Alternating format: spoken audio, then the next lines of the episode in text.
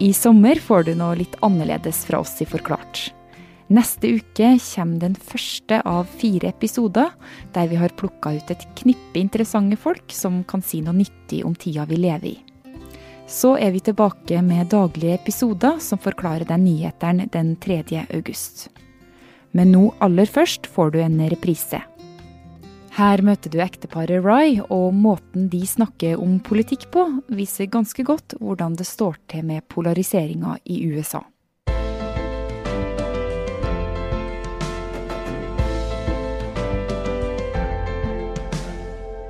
I'm not saying I'm right. I'm not saying I'm right. I just know what I believe.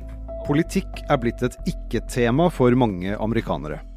Faktisk er det blitt så betent at det er vanskelig å diskutere politiske spørsmål med naboer, folk i kirken eller i bokklubben. Da blir det bare bråk. family gatherings and things, we just don't talk politics. We because we don't want it to divide us as a family.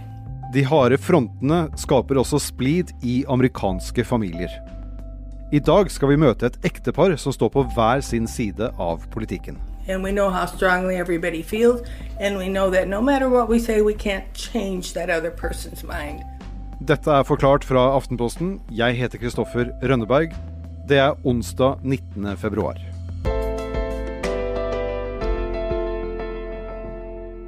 He absolutely didn't like Obama, and I did. So And I never brought it up.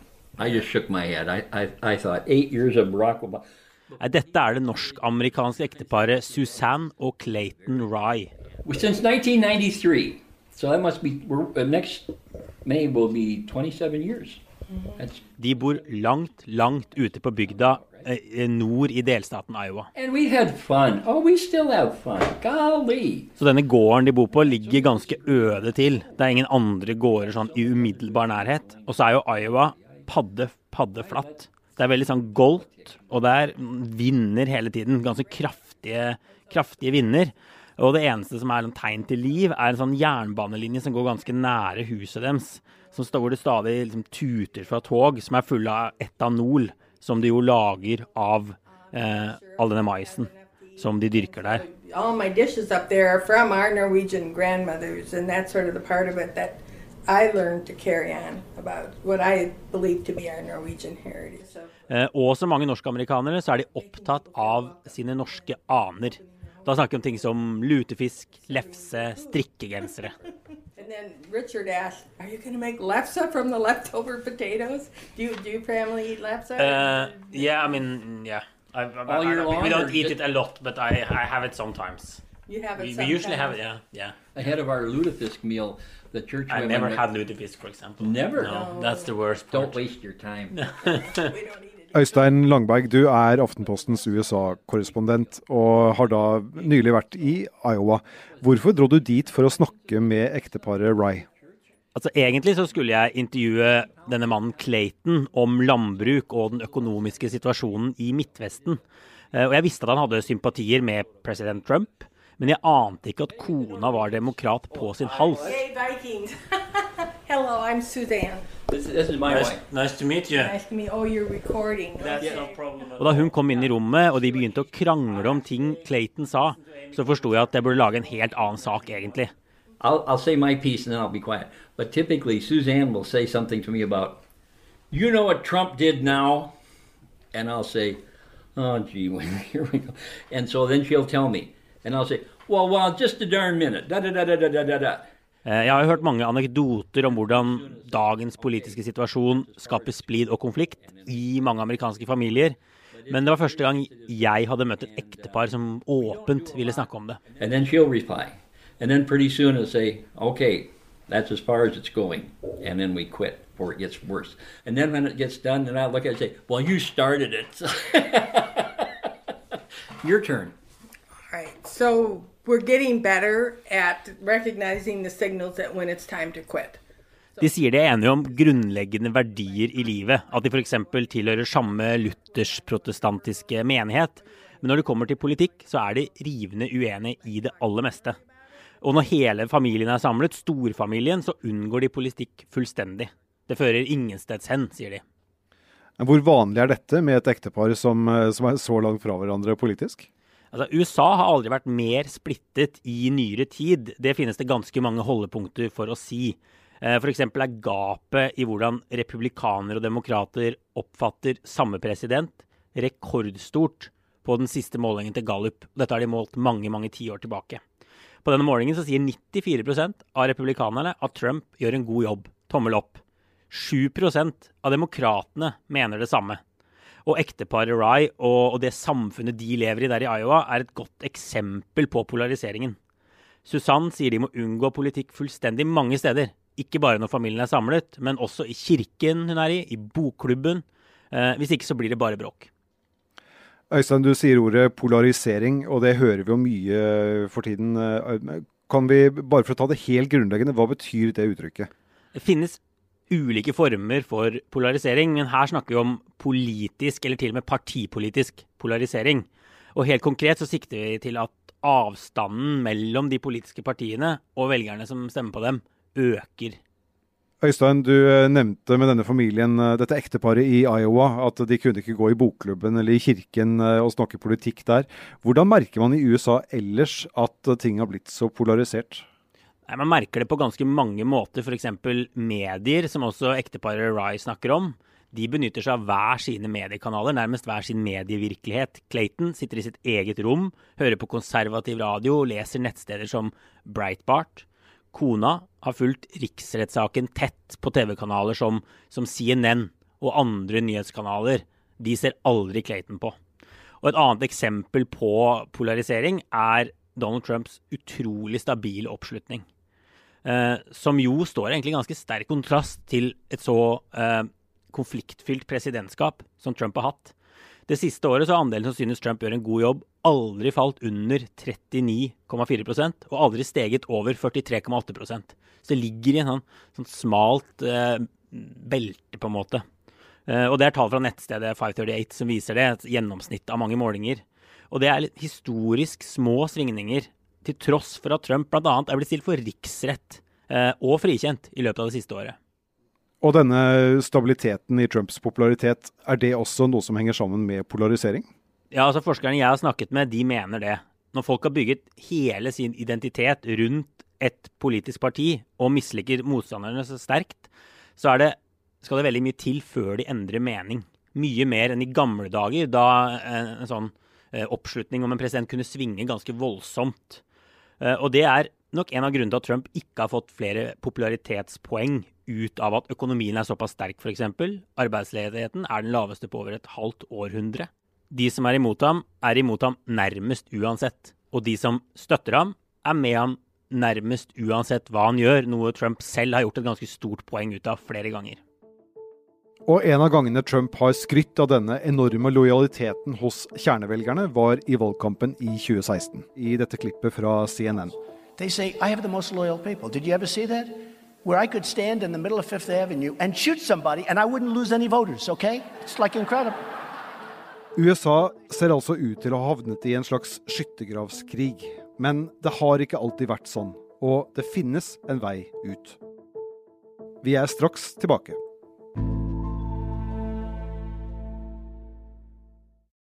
I'm Amy Klobuchar, and I will beat Donald Trump. Our country is stronger today than ever before.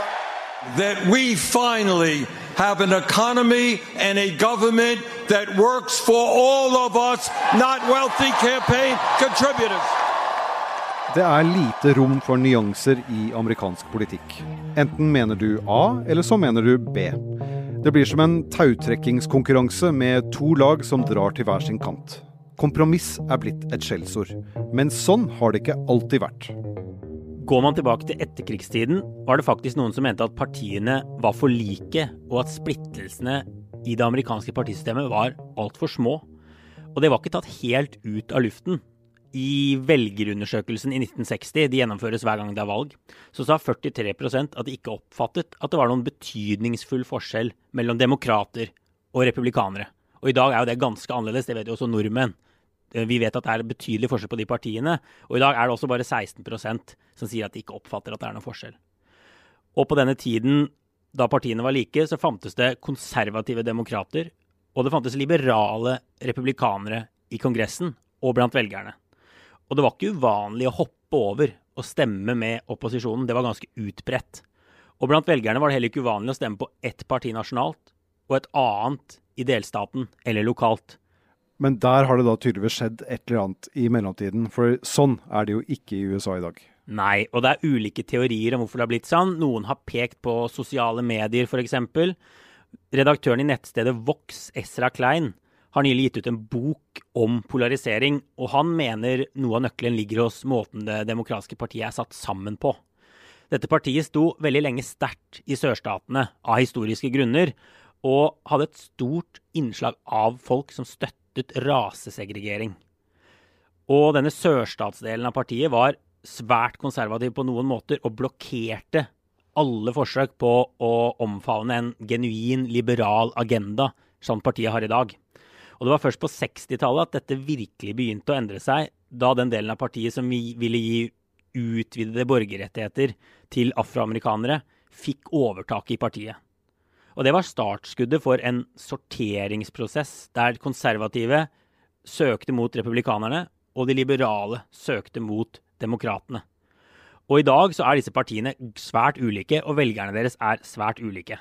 Det er store etniske forskjeller, det er store geografiske forskjeller, det er religiøse forskjeller, og så er det ikke minst forskjeller i hvordan man ser på politiske saker.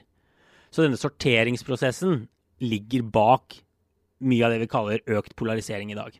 Så det begynte altså på 60-tallet, men så skjedde det noe på 90-tallet som gjorde at uh, situasjonen ble enda mer polarisert. Hva var det? Ja, Situasjonen ble verre og verre, og så ser man på grafene, så, så skjedde det et eller annet utover 90-tallet som gjorde at det virkelig skjøt fart. Og dette var perioden da demokraten Bill Clinton var president og ble stilt for riksrett i Representantenes hus. Og republikaneren Newt Gingrich, som var majoritetsleder på denne tiden, brukte en langt hardere retorikk om motstanderne enn det som hadde vært vanlig tidligere. Og han var også ganske kompromissløs på en del områder, noe som bl.a. førte til at hele statsapparatet ble stengt ned i to omganger, i 95 og 96. Og så kan vi legge til til slutt at Fox News, en viktig kanal for høyresiden i USA, dukket opp i 1996. Topartisystemet i USA har alltid gitt rom for kompromisser, både innad i partiene og mellom dem. Men når partiene dras i hver sin retning, forsvinner også mulighetene til å møtes på midten. Det har satt sitt preg på årets presidentvalgkamp. Økende polarisering kan nok gi rom for mer ekstreme kandidater. Det mener i hvert fall noen av forskerne jeg har snakket med. Eh, Donald Trump trekkes frem som et eksempel på det. Han hadde en politikk og en fremtoning som gikk på kant med mange av de republikanske tradisjonene, men han ble likevel valgt. Eh, for etter en del om og men så, så sluttet de aller fleste republikanere opp om Trump i valget. Og det samme kan potensielt tjene en radikal kandidat som Bernie Sanders, som altså tilhører venstresiden blant demokratene, og som nå kjemper om å utfordre Trump til høsten. Demokrater som er mer moderate, som egentlig skulle ønske seg en mye mer sentrumsorientert kandidat, kanskje Joe Biden, vil, sier de likevel vil stemme på Bernie Sanders, for de misliker Trump mye mer. Og det kan jo potensielt gi en mer ekstrem politikk. Denne polariseringen, som da tydeligvis også kan flytte seg ut ifra hvem som er kandidaten for de ulike partiene, kan den også påvirke måten partiene driver valgkamp på og vinner valg på? Potensielt ja. Eh, valg, I gamle dager så ble valg på en måte sett på som en kamp om å vinne de moderate velgerne i midten. Eh, medianvelgeren eh, ble det kalt. Og noen mener dette er en utdatert måte å se politisk strategi på. For i dagens polariserte USA handler det kanskje mer om å finne en kandidat med appell til egne velgere, som i tillegg klarer å fremstille en seier til motstanderlaget som en katastrofe for landet. Det handler altså om å få egne velgere, det de kaller basen, til valgurnene, snarere enn å finne denne sentrumsvelgeren. Men ikke alle kjøper dette helt, det skal sies. Og demokratene de må vinne i de mer konservative vippestatene som Trump tok i 2016. Da snakker vi altså delstater som Pennsylvania, Wisconsin, ja. Michigan? Ja. Stater Trump vant i 2016. De må de vinne for å ta tilbake Det hvite hus. Og så finnes det jo fortsatt en del mennesker som er genuint uavhengige. Som kan overbevises til å velge den ene eller andre siden. Og når amerikanerne da først er i den eh, situasjonen, hvordan skal de komme seg ut av den type skyttergravskrig som, eh, som det politiske bildet har blitt til? Det skulle jeg ønske jeg hadde hatt svaret på, egentlig. Det kan jo se ut som det bare blir verre nå, før det blir bedre. I en del land så, så dempes jo effekten av at de har flere partier. Eh, at folk, for eksempel I Norge så er det jo vanlig å bytte parti mellom valg. Og folk bygger ikke like mye identitet. Men det er vanskelig å se for seg at et, et, et flerpartisystem skal bryte ut i USA. Sånn er ikke valgsystemet designa. Uh, men det man ser på målinger, og som ekteparet Rye også gjør et poeng ut av, er at de egentlig er lei polariseringen. Det svarer amerikanerne. De er lei den partipolitiske rivaliseringen. Uh, så kanskje er det rom for en slags samlende, uavhengig, sentrumsorientert kandidat og at han kan stille til valg, han eller hun, eh, og få et flertall av amerikanere bak seg, hvis de er så lei som de sier. Men det er ingenting som tyder på at det vil skje i år.